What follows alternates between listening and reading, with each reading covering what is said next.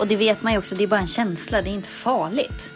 Alltså om du har skadat dig och det gör ont, det kan ju vara farligt. Och då blir man ju rädd i det också. Jag har väldigt svårt för eh, känslomässig smärta. Varför? Men det är inte själssmärtan i sig som gör att man dör. Utan det är ju handlingarna man vidtar för att kanske bli av med den. Det är ganska viktigt att plocka ut den här lilla pusselbiten här och nu och säga okej, jag mår dåligt här och nu klockan 13.30 eller vad det nu är nu. Men hela mitt liv består inte av det här. Nej. För hjärnan spelar en ett spratt. Ja. Alltså lägg ner tiden på att leta efter en bättre flock då. Istället för att klänga Ja. fast vid en flock som du ändå mår dåligt i. Så länge man är en bra person Mm. så kan man ju vara säker på att folk inte dissar en för att man är dum i huvudet. Ja. Utan då har det troligtvis någonting annat. Mm. Alltså, oftast så handlar det mer om folk själva Mm. än om någon annan. Så att allt det här med obehag överlag är ju någonting som det är väldigt, väldigt viktigt att komma ihåg att ju mer man gör det desto mindre smärtsamt och obehagligt det blir. Men jag kunde ju vid- veta liksom redan innan så här, det kommer aldrig bli Mm. vi. Men jag ger den här personen en chans. För att jag tycker att man gör det. Hej Jessica! Hej! Idag sitter vi i Elisabeths to be old barnkammare. Ja, Snart före detta barnkammare. På golvet. Du bara spånar på hennes, hennes oordning där. Nej, verkligen inte. Åh, hur mår du? Det är bra. Börjar ni landa ordentligt nu? Absolut. Hur är det med badrummen? Jo då, de står still. Står det still? Ja, Ja. men eh, det blir nog bra. Jag håller tummarna för det. Ja, det löser sig. Det löser sig. Ja, jag skrev på kontraktet till huset. Ja, Till mitt nya hem Mm. I Sörmland. Eh, I fredags och det känns också fantastiskt bra. Och fritt liksom. Ja, Jag känner mig så fri. ja. Jag känner mig oerhört befriad Mm. på något sätt. Jag hoppas inte att det är någon sån här fantomkänsla. Kroppen sprutar in massa hormoner för att eh, jag inte ska bli förskräckt och springa därifrån. Ja, nej, men det tror jag inte. Men eh, vi säger varmt, Varmt välkomna till Ansvarspodden. Där vi lär oss att leva utvecklat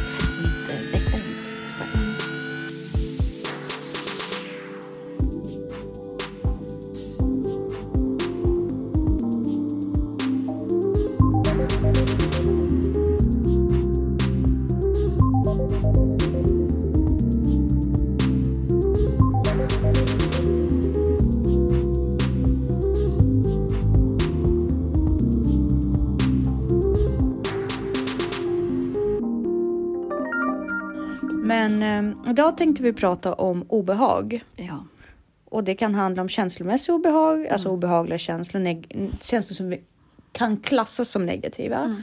Och eh, smärta, fysisk, kanske mental smärta, går in lite på känslor. Och eh, förhållningssätt till den.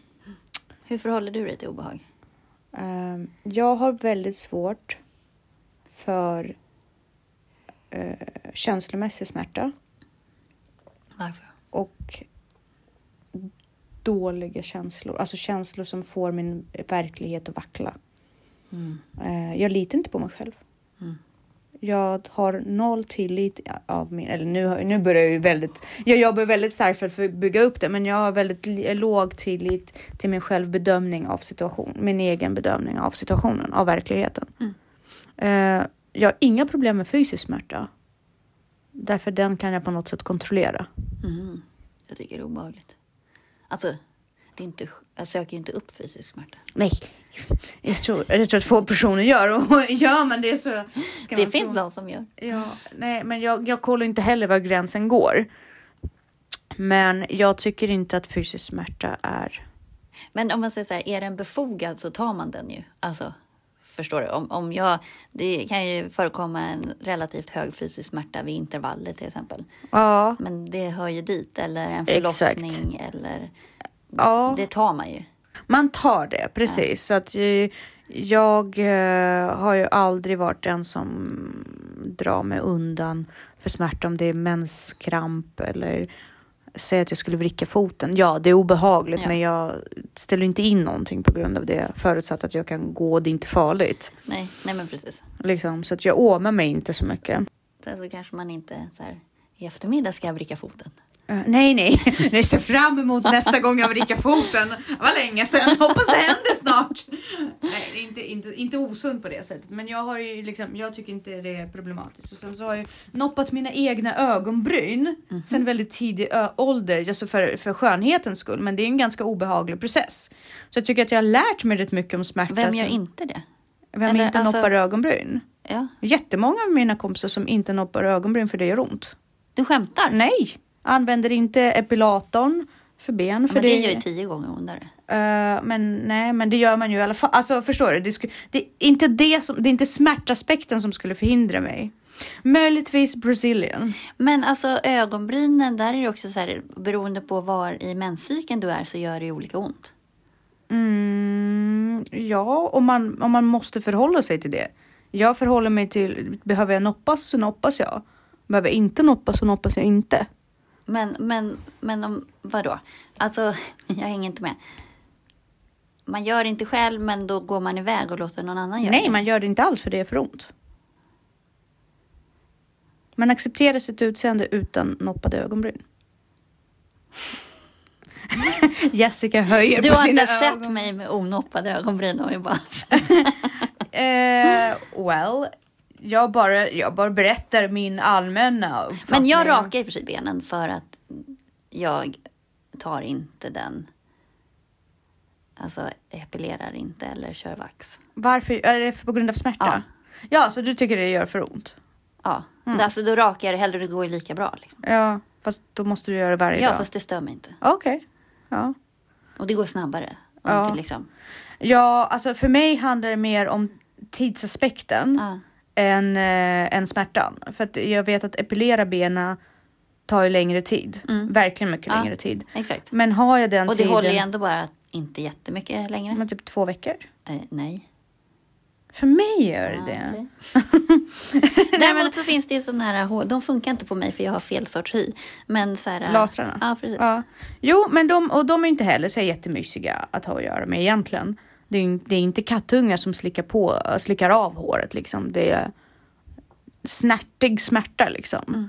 Som man går igenom. Men, men jag, jag kan säga så här. Smärtan är inte ett problem för mig vad Nej. gäller skönhetsingrepp. Jag Mm. har gjort, uh, sprutat in medel i mina läppar och ansikte Mm. och liksom. Men det gör ändå inte så ont.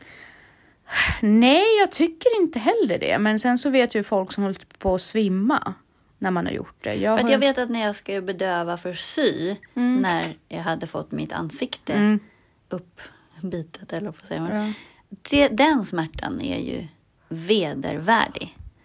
Men kan Men det ha är för att gör- du redan är skadad. Exakt, jag tänker kan det ha att göra med att du faktiskt hade så här eh, tissues, alltså Ja, ja. För vävnader där var det ju var... till slut så att jag sa så här, snälla bara strunta i att bedöva, bara sy rakt i. Exakt. Och det var skönare Ja. än bedövnings... En bedöm- Precis, men då är det ju, det, det handlar kanske inte om att själva, alltså det handlar om att du redan var skadad Ja. och det kanske utmattad även av smärta och du ville bara få det överstökat. Men, men, men Men jag tänker på det här, vi hade ju ett avsnitt som handlade om det här Embrace the Suck. ja, Det är ju lite samma, som smärtan har ett syfte och, så är det ju lättare att... och obehag har ju det också. Ja. Eh, jag har ju svårt för obehagliga känslor och upplevelser. Ångest, ledsamhet, konfliktsituationer för att jag inte blivit lärd som barn att hantera det. Ja, för det har jag noll problem med alls. För det gör inte ont, det är bara ett tillstånd. Alltså sen så kan det göra ont. Alltså att det gör ont. Känslomässigt så. Men det kan man, det går ju att hantera med logik. Alltså, och det vet man ju också, det är bara en känsla, det är inte farligt. Alltså om du har skadat dig och det gör ont, det kan ju vara farligt. Och då blir man ju rädd i det också. Eh, sen så är det för sig obehag som man inte vet löser sig känslomässiga. Vi säger att man inte vet om, om det är någon relation till en annan person och man inte vet hur den kommer reagera eller om den så här. Det är ju jättejobbigt. Men det vet man ändå så här, du överlever det. Men kommer du in och börjar lappa ihop det och rymmer ifrån den smärta bara på, på all bekostnad ska det bara lagas? Mm. Eller väntar du av och ser hur det löser sig? Nej, jag är ju väldigt aktiv. Ja. att lö- jag vill bara lösa, reda upp det så fort som möjligt. Vilket eh, kan ju vara frustrerande om man är en sån person som bara vill fly. Mm. För jag vill ju verkligen bara lösa. Och jag, i och med att jag inte är så rädd för känslor så förstår ju inte jag riktigt varför folk... Jag tycker ju folk överreagerar på obehagliga känslor. Så här, jag förstår inte varför man inte kan prata om saker. Eller liksom varför, man, varför kan man inte reda upp det här? Jag fattar inte. Och vad är det som är så jobbigt? Eh, Medan andra, eller jag upplever att andra kanske har jobbigare att hantera saker. Däremot det jag tycker är jobbigt är ju oftast egentligen andras reaktioner. Mm. Inte själva känslomässiga smärtan i sig. Om, om vi pratar i relationer. Mm. Så tycker jag att det är jobbigt för jag kan inte kontrollera den andra människan. Alltså jag kan inte få den att förstå. Eller vad det nu kan vara. Det är ju mycket jobbigare än själva min känslomässiga smärta i det. För den kan jag ändå på något sätt hantera. Eh, ja. Oj. Det är ju där man eh, någonstans min avvägning med min integritetsproblematik kommer in.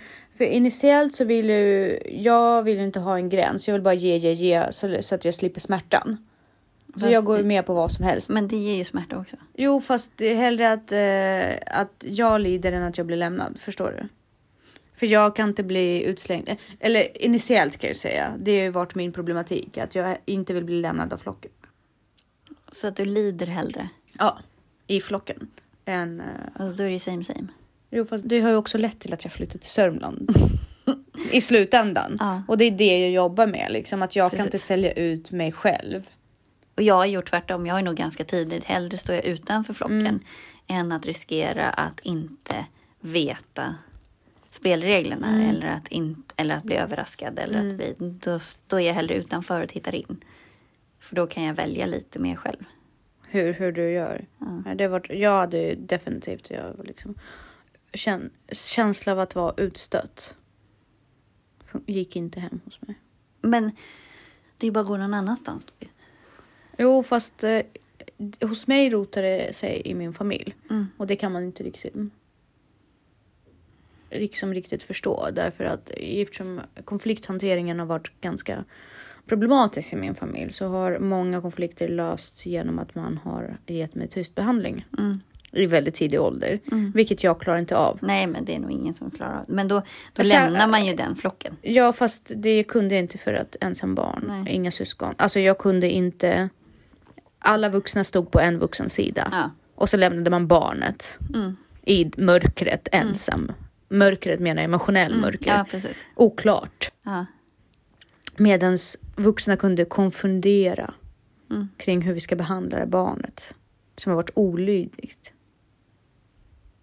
Eh, och det här, är det här pratar vi, vi pratar i, i min värld var det ju så, men vi pratar inte om vuxna som satt på en soffa och diskuterade Mwah! liksom strök vita katter. Det är inte det. Det var liksom mina föräldrar som kunde bli arga och så kunde mamma säga nej, nu är, hon, nu, är hon, nu är hon bestraffad. Nu är det ingen som pratar med henne tills hon själv kommer och liksom säger att hon gjorde fel. Och då kunde andra. ja, och det är klart att det formar en väldigt underkastande Ja, Alltså det, det blir ju, du skapar ju en individ som blir medberoende i ett Exakt. destruktivt. exakt. Och eh, nog hade det varit i deras liksom, egen okunskap och att de själva blivit behandlade så som barn. Liksom. Men, men det är det jag jobbar med nu och det är därför känslomässig smärta är så obehaglig för mig. Att jag, jag säljer hellre ut mig själv och mina behov än att bli nekad tillgång till socialt Och sammanhang. jag går ju inte ens in i möjligheten Nej. att bli nekad. Nej. Så att det är egentligen samma problematik. Men ja. Ja. Så att jag tycker att eh, initiellt är det mycket lättare med fysisk smärta för då, då man har bättre grepp om den på något sätt. Man kan lindra den eller inte lindra den eller liksom och så. Men idag har vi en, har jag märkt att man är väldigt eh, osund i förhållande till fysisk smärta med till exempel barn. Eh, i många fall. Vi, vi har en tendens som pedagoger ofta att liksom, men gå till systern om någonting händer. Man skickar till syster. Och syster ska på något sätt eh, hitta på någon form av eh, magisk tamburin som hon ska slå i. Liksom. En Men egentligen så för hjälper det ju allting. med att de bara får gå dit och bli Ja. lite bekräftade. Precis. Men det här handlar ju också om det här körlandet och lite det här som eh, David Eberhardt är inne på i den här Hur barnen tog makten. Mm. Att vi hela tiden ska skydda barn från livet Mm. på något vis istället för att faktiskt lära dem att det finns olika nyanser och farlighets... Du kan ramla och slå dig på massa olika sätt. Nio av tio gånger så reser man på sig, får en kram, Mm. blir bekräftad och går vidare. Precis. Tionde gången kan man ringa ambulansen. Men du måste ju också själv, om du är ute och cyklar själv och du liksom slår halvt ihjäl dig, måste du ju ändå samla ihop dig själv och ta dig hem. Ja, jag har väldigt svårt att se en, en femteklassare ligga, rulla runt på, på trottoaren Mm. efter att liksom uh, kommit omkull eller skateboard, vad som helst och bara ligga där, rulla runt av smärta och skrika. Mm. Det är ett väldigt konstigt beteende. Fast det gör de ju. Ja, och varför gör de det? Om någon vuxen är i närheten. Om någon, var- undrar om de, alltså det skulle vara så intressant. Jo, men det har inte du tänkt på det på skolgården?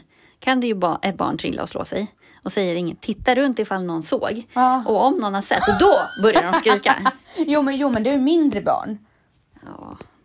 Eh, Men du har ju också berättat att du har varit ganska noga med att prata med dina barn om vad som händer när man skadar sig.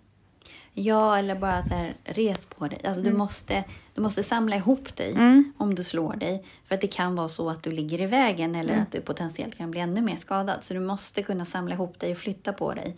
Eller börja ta dig därifrån för att kunna få hjälp. Eh, så att man inte ligger och vältrar sig i sin smärta. Ja, Det är ju en väldigt sund råd att ge barn. Och också det här, så här, gör bara ondare om du sitter kvar och känner efter.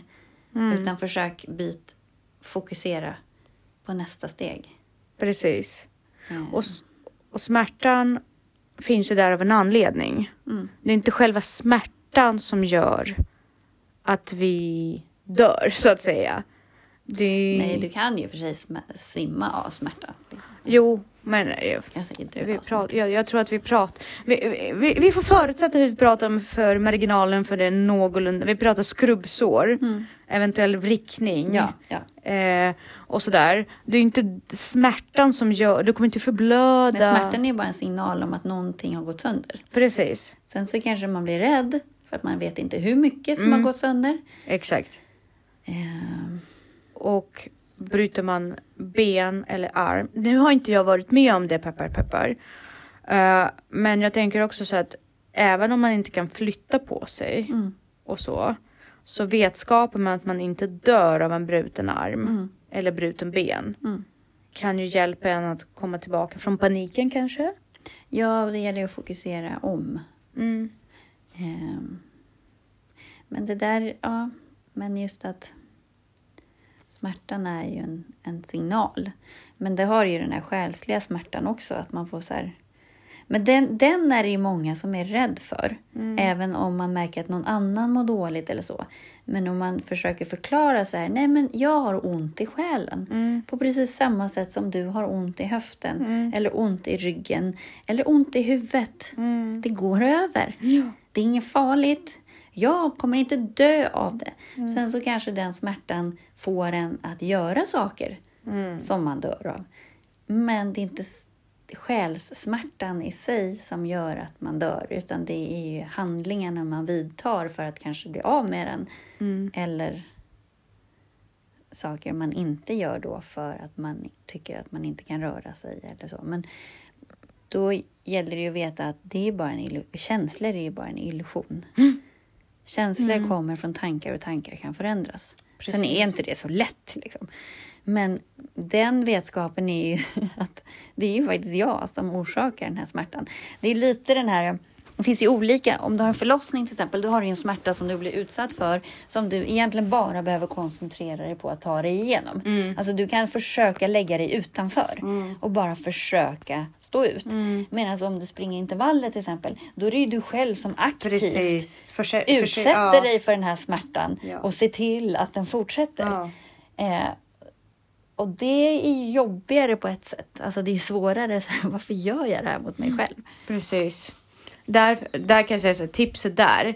Det har ju du och jag pratat om, att man sätter ett mål och så ger man sig inte förrän man har nått det målet Nej. som man satt sig innan. Precis. För då lär man ju också hjärnan att dels så, har, så bär inte du beslut, eh, beslutet varje sekund på vägen mer utan du har redan tagit beslutet. Så det, det, där behöver inte du förhålla dig till längre Nej. utan beslutet är redan taget. Och sen det här med att nu är det bara att hålla ut. Embrace the suck, embrace the suck. Alltså bara håll ut, håll ut, håll ut. Du vet Precis. när det tar slut. Det Du svåra bara- är ju när det inte finns något slut. Så Exakt. spring här så snabbt du orkar, så länge du orkar. Ja, och hur, Det går inte. hur förhåller man sig till Exakt. det? Det är ju läskigt. Så här, då ska du ju springa tills du spyr. Ja, nej men alltså det, det där är ju jätteläskigt. Men också så här, hur kan man? Ja, nej, det är bara att tänka på så. Ja.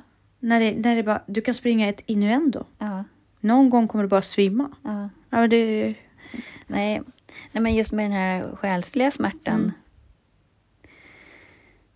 är ju också...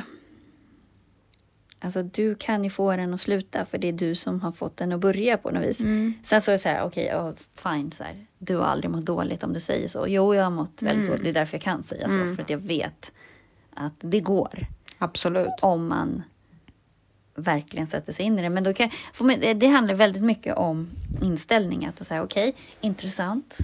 Nu mår jag så här dåligt. Vad var det som triggade igång det? Vad kan jag göra åt det? Att man liksom bryter ner det mer på ett teoretiskt plan. Ehm, för att även om du är så pass du blir inte ledsen och deprimerad till den graden att du ligger och stirrar in i ett svart hål. Det blir man inte från en dag till en annan. En Nej. sån depression gräver man sig ner i. Det Precis. sker gradvis.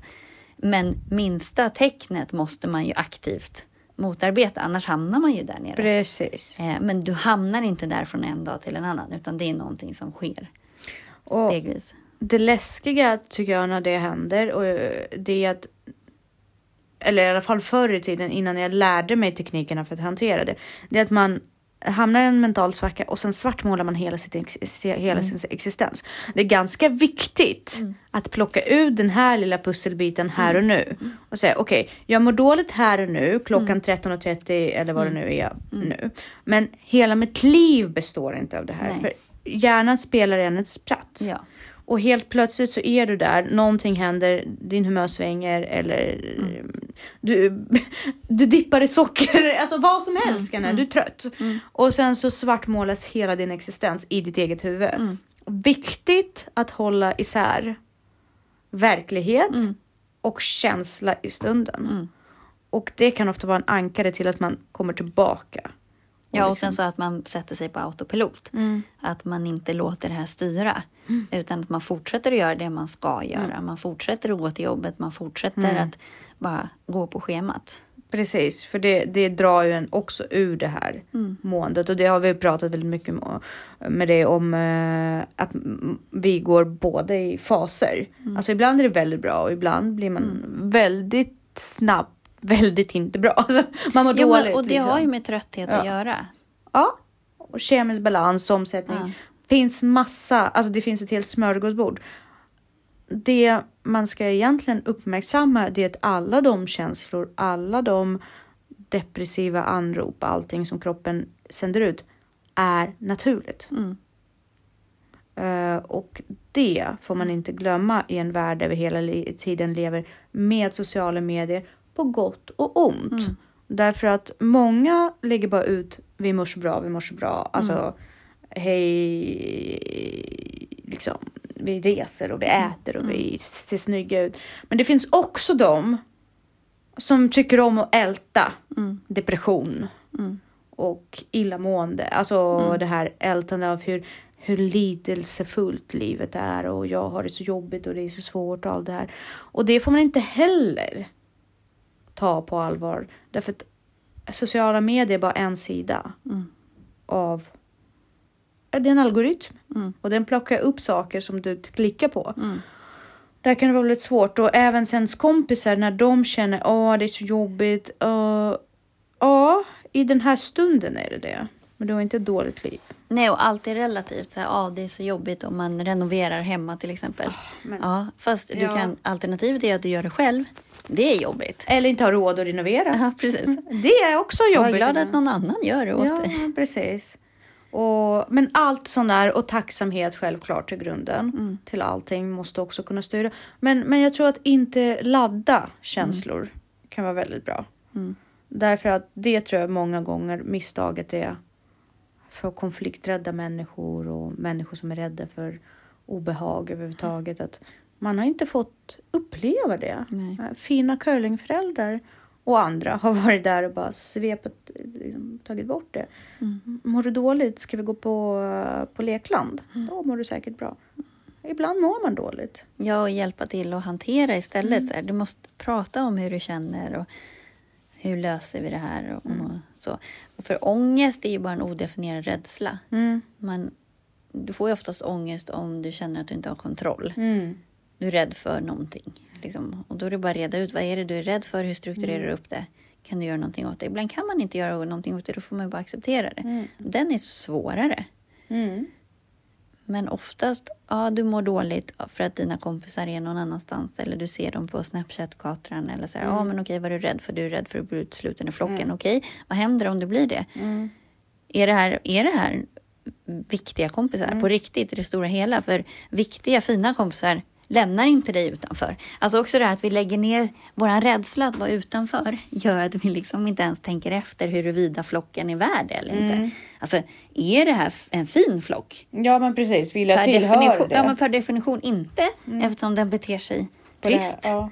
Alltså, lägg ner tiden på att leta efter en bättre flock då istället för att klänga Ja. fast vid en flock som du ändå mår dåligt i. Och det här är så väldigt svårt för mig att berätta för min dotter som går igenom det. Hon är nio Mm. och hon är väldigt utsatt för att känner sig väldigt utsatt för att Mm. hon har sin bästa kompis som går i en annan skola men bor där vi bor. Mm. Och det är så här, men vet du, du må, jag måste göra allt hon säger. Jag måste, jag får inte bråka med henne därför att jag har ingen annan kompis. Mm. Men leta efter en annan kompis säger man ju då. Mm. Men vart ska jag leta? Och det vet ju inte jag. Vad fan ska hon leta efter? och det är så hjärtskärande, det sa en av mina barn, Hugo, när han var liten och vi var på Sandhamn och bara jag går ut en stund och letar efter en vän. Det var på landet. Ja. men alltså jag vet inte var du letar dina kompisar. Ja, men det ju... Men jag tycker folk trillar ju på en jämt. Jag känner också det och jag har jag, och då Men när känns man det lite liten- drygt av mig. Ja. Jag säger så här, va? Ta en av mina, jag hinner inte med dem. Nej, men när man är liten så är det ju svårare för då är man så himla orolig för att bli refuserad och sådär Precis. också. Precis. Eh, och om man inte är i sammanhang så träffar man ju inte folk och det är så otroligt svårt att approchera någon eller så. Mm. Nu när man är vuxen då är det ju så här, så fort man träffar någon som man tycker är lite skön, bara ja ah, men vill du fika eller Ja. liksom. Så, så att, Det, man klickar rätt bra. Liksom. Mm. Ja, exakt. Och det, men det är så. Men också, ja, det är en del av processen. Mm. Du är nio. Det här rädslan och det här ledsamheten som du upplever just nu. Mm. Det är ju det som är din lärdom. Mm. Det är det som sen ska visa dig vem du ska vara med och vad som känns bra och vad som Mm. Precis. inte. Man får inte glömma syftet med det här. Du är utsatt och ensam och utan flock. Ja, Mm. Så vad ska du göra åt det? Ska du kanske gå och börja på en aktivitet? Mm. Ska du kanske förändra din personlighet lite grann för du kanske inte är världens skönaste människa? Det finns ju så många, men det finns ju så många sätt att eh, prata om det. Ja, men det där är faktiskt rätt spännande, för det pratade jag med en annan kompis om. Just det här att så länge man är en bra person Mm. så kan man ju vara säker på att folk inte dissar en för att man är dum i huvudet. Ja. Utan då har det troligtvis någonting annat. Alltså, och oftast så handlar det mer om folk själva än om någon annan. Att man själv inte hinner med eller att man, det är väldigt sällan man egentligen reagerar på att någon är oskön eller att man inte vill vara med någon. Och även om man gör det så handlar det också oftast om en själv. Att den här personen har triggat någonting hos mig som... Det, alltså det behöver inte betyda att den är oskön, men det blev obehagligt för mig på något sätt. Precis. Och det är ju mitt problem.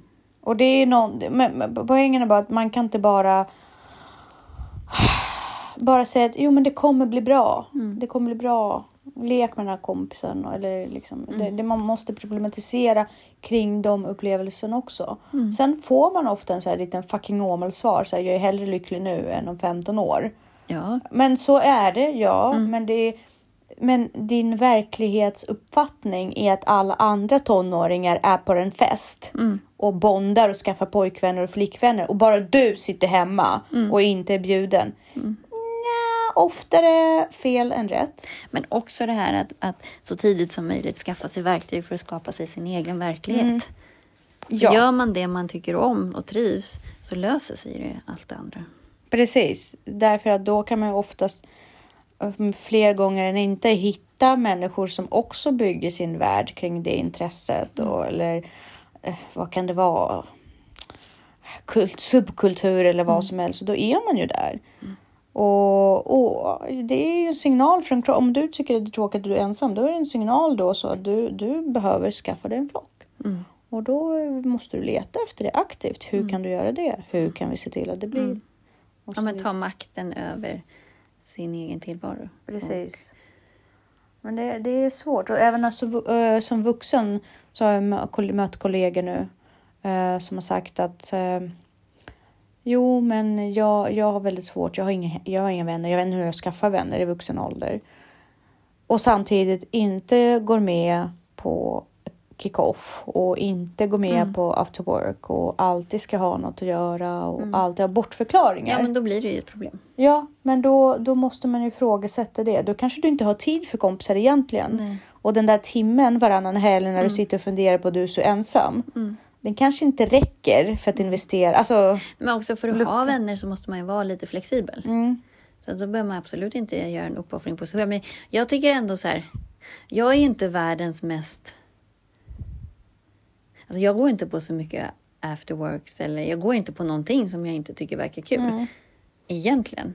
Men, jag lyckas ändå knyta till mig folk. ja.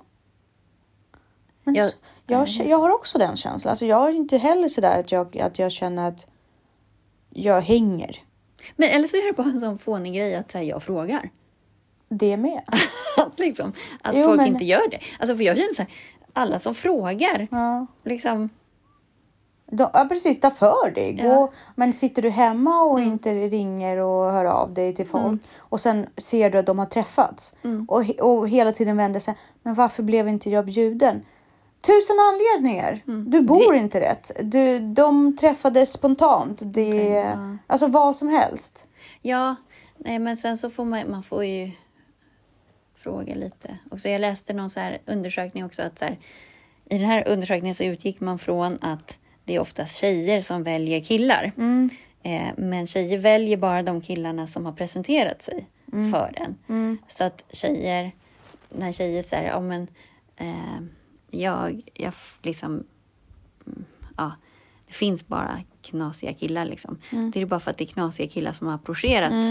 Att Mm. Precis. tjejer tydligen är väldigt dåliga på att söka upp någon Mm. och approchera den. Men det kan jag i och för sig säga, de gånger man har gjort det Mm. så har ju alltså killar, det är inte de relationerna som det har blivit något av. När det funkar oftast bättre om det är killen som har. Sen kan man ju så här lägga ut någon krok. Men jag har aldrig varit med om en relation som faktiskt har blivit av om jag har approcherat personen. Mhm. Alltså out of nowhere. Liksom. Ehm, utan det måste liksom så här... Ja, Det har hintats. för att jag funkar bättre i relationer där jag, där jag inte har varit, alltså så här, där jag har blivit approcherad. Ehm, Också. Ehm, men, ja, men det stämmer nog att man gör ett val utifrån det smörgåsbordet som finns. Att man liksom... Ja, Man går inte in på ett annat, på en, ett annat buffé liksom. Nej. Du går inte ut ur Kina-krogen och går till en italiensk. Nej, du- precis. Så, att, det- så att det är ju väldigt, det är dumt av oss tjejer i så fall. Eh, utan att man egentligen kanske ska... Men jag tror att killar, om de blir approcherade så det störs i deras balans liksom. Och då blir det inte attraktivt på något vis. Att man är så framfusig Ja, precis. Lite easy. Ja. Ja, men det är också, men det är så konstigt. Eller så är det så här easy och sen så backar du. Mm. Ja. Att man bara så här ger ett förslag Mm. och sen får man dem ändå att tro att det är de som har sökt upp dig. Mhm. Att man ska bara... Ja, men så, här, alltså, jag tror att killar... det Flirta. fun- Nej, men det Bara funkar så. Men, alltså, de måste Ja. ha jakten på något vis. Ja. Eh, Det, det är väldigt intressant. Det Men där är ändå så här... Det är intressant med den relationen jag är i nu. Vi har ju valt varandra aktivt Mm. hela tiden. Alltså i... Alltså... Eh, jag var intresserad av honom. Det var i och för sig han som, som tog initiativen till att det blev någonting. Mm. Men jag var, var ju intresserad av honom. Så att det blev liksom en ömsesidig grej. Mm. Jo, men jag- vet du, jag tror egentligen att det handlar väldigt mycket om ömsesidighet. Det där mikroflörtet, vem som la först och sen. Det tror jag, alltså det tror jag att man intalar sig själv sen. Och skapar en legend baklänges liksom. För jag tror att om jag går in på en fest så kan jag säkert eh, lägga märke till fyra, fem killar. Och skulle en av dem sen approchera mig, då skulle min legend i mitt eget Ja, ja. huvud säga jag märkte honom direkt, jag kände gnistan. Fast jag har nog lagt eh, en ganska bra, alltså jag har ju Ja, säkert slängt ut flera spön liksom redan Ja. från början. Men sen är ju hjärnan så himla duktig på att söka eller få fram, Ja. se det man söker efter. Så sen skulle legenden bli så här, det blev för, kärlek från första ögonkastet. Vi såg varandra direkt. Jag visste att han skulle bli. Liksom, Mm. Fast eh, hur många gånger har man varit på en fest när det inte blev så? Brukar man Nej. berätta om det? Men jag gjorde nog mitt bästa för att det inte skulle märkas. Så att han trodde ju inte att jag var intresserad av honom. Och så gick han på ändå. Självmordsbenägen människa. Nej, men otroligt modig. Alltså verkligen, det kan jag verkligen säga. Jag har nog aldrig träffat någon så modig Ja. människa. Känslomässigt modig. Men kan, Som han var då. kan det också vara så att hans personlighet är väldigt öppen? Mm. Att han var sig själv. Ja, men jag tror att han var väldigt, väldigt, väldigt mycket sig själv. Ja. Att han faktiskt inte tänkte så mycket. Han tänkte nog inte. Utan han bara körde på och Mm. sen så fick det bli som det blir. För att han, han skäms ju inte heller. Nej. Alltså så här. Jo, jo, men precis. Så Exakt. det, är ju, det är det som är det modiga. Att liksom, hade jag inte vis, liksom, responderat på hans, vilket han också uppfattade att jag inte gjorde, Mm. vilket jag inte förstår. Men i alla fall, eh, då var jag så här, "Ah, ja, men för min egen skull då har jag ändå gjort det. Liksom. Ja, Då kan jag vara lugn i det. precis. Ehm, och jag tycker att det är otroligt härligt med folk som är så modiga. Så att även, vi säger att jag inte hade varit intresserad av honom. Mm. Så hade man ju liksom verkligen bara sett upp till honom ändå. Mm. Alltså för någonstans måste man ju också så här hylla och, och vördna på något vis folks mod att visa att de tycker om en. Alltså jag tycker det är så jäkla fint med folk Ja. som vågar uttrycka att Men- de Men där tror jag man sabbas rätt mycket som tonåring. Därför att Ja, men även med Tinder och allting nu för tiden. Alltså Ja. folk, ja. Alltså jag tycker att det, datingmiljön och datingbeteende. Dels så får man ganska dålig incitament för att man gör bort sig om någon nekar en som tonåring. ja, och var kommer det ifrån? Jag vet inte, det är så jävla Men det har jag nog pinsamt. alltid tänkt på. Alltså även när jag gick i gymnasiet Ja. så vet jag när killar liksom approcherar en som man Mm. verkligen inte var intresserad av. Så kände jag inte så här, gud man vill inte göra honom ledsen. Man Nej. vill liksom inte avskräcka honom från att försöka nästa gång. Och att man ändå försökt att verkligen så här, Jo, du är jättehärlig liksom men, men det, men det är inte du och jag. Nej, precis. Och så här, du känner ju inte mig egentligen. Liksom. Du har ju bara fått en bild av... Eller liksom att man ändå försökte så här, att man inte gjorde bort honom eller inte så här. Utan verkligen... Men det problemet kommer i efterhand, det är när man snackar med sina tjejkompisar Jo, fast om jag, det. jag sa nog inte så mycket Nej. om sånt. Om någon hade ringt mig som jag inte var intresserad av. Eller liksom, jag, till, jag var ju också så här, frågar någon så går man ut med den personen. Man ger folk en chans. Mm. Det gjorde jag nog, det gjorde jag också väldigt mycket. Alltså jag nekade aldrig någon. Men, men jag kunde ju vit, veta liksom redan innan, så här, det kommer aldrig bli Mm. vi. Men jag ger den här personen en chans. För att jag tycker att man gör det. Jag tycker också det. Eller så är det kanske taskigt att man liksom... Nej fast det tycker jag inte. Men jag Alltså, kan ju så ändra mig. Alltså, Ja, så det- jag kanske har exakt, fel. Mm. Exakt, man kan alltid ha fel om en människa. Sen det, ju- äh, äh, man kan också säga så här, vet du, jag gick ut med det för jag tyckte det var smickrande Ja, att verkligen. du frågade. Verkligen. Och sen så känner jag nu efter att vi har varit ute, Ja. inte riktigt min grej. Men jag Nej. tyckte att om upplevelsen av att gå ut med det och det var väldigt kul. Ja, och just så Eh. här att verkligen, hur många gånger har man inte sagt det? Liksom så här, verkligen mitt ego är smickrat. Ja.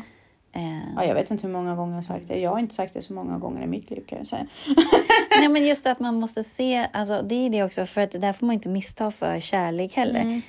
Eh, att, att vara smickrad är inte detsamma som... Jag har en person som står mig nära som bara, nej men jag blir ju kär i de som blir kär i mig. Mm. Men du blir inte kär, du är smickrad. Ja, precis. Och Ja, sen är väver man in sig i någonting. Liksom. Ja.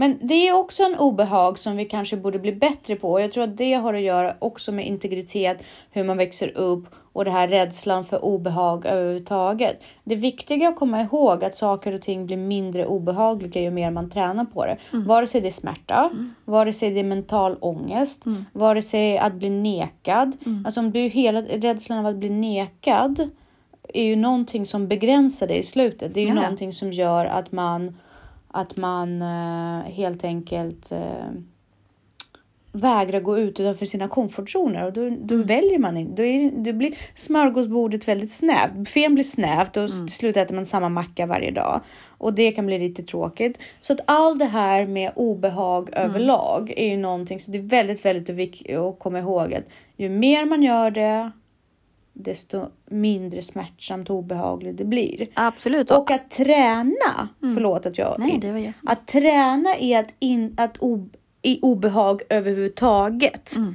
Oavsett var du gör det. Jag har en spillover-effekt till Absolut. alla andra grejer också. All utveckling sker genom motstånd. Finns det Eh, inget motstånd så sker ingen utveckling. Precis Så vad jag tänkte man- citera. Tänkte precis citerade. Ja. Nej, men sen man, det är det som är grejen, att Mm. liksom, det är en mental inställning. Istället för att bara, gud vad jobbigt det här blir. Gud vad kul, nu utvecklas jag. Precis. Jo men exakt. Därför att om man hela tiden i den här komfortzonen, den kan också vara väldigt lurig. Mm. Därför att till slut kanske någonting händer inom din snävaste komfortzon. Mm. Och vad fan ska du göra då? Om du är helt oförberedd för det här med förändring, obehag Mm. och så vidare. Så prata med era barn och er själva i största möjliga mån om känslan av obehag. Obehag ska finnas. Det ska inte Mm. Exakt. utrotas, men det ska förstås. Och För obehag är ju en, ett meddelande till oss själva om oss själva. Och kanske att det är meddelande om att vi behöver öva på någonting mer. Tycker du att det är obehagligt att ta en promenad för att du blir så andfådd? Ja, ta det obehaget på största möjliga allvar och fråga dig själv varför det är så. För du ska aldrig kunna liksom, då är det fel på. Exakt. Vi eh, sätter punkter. Tack och. Hej.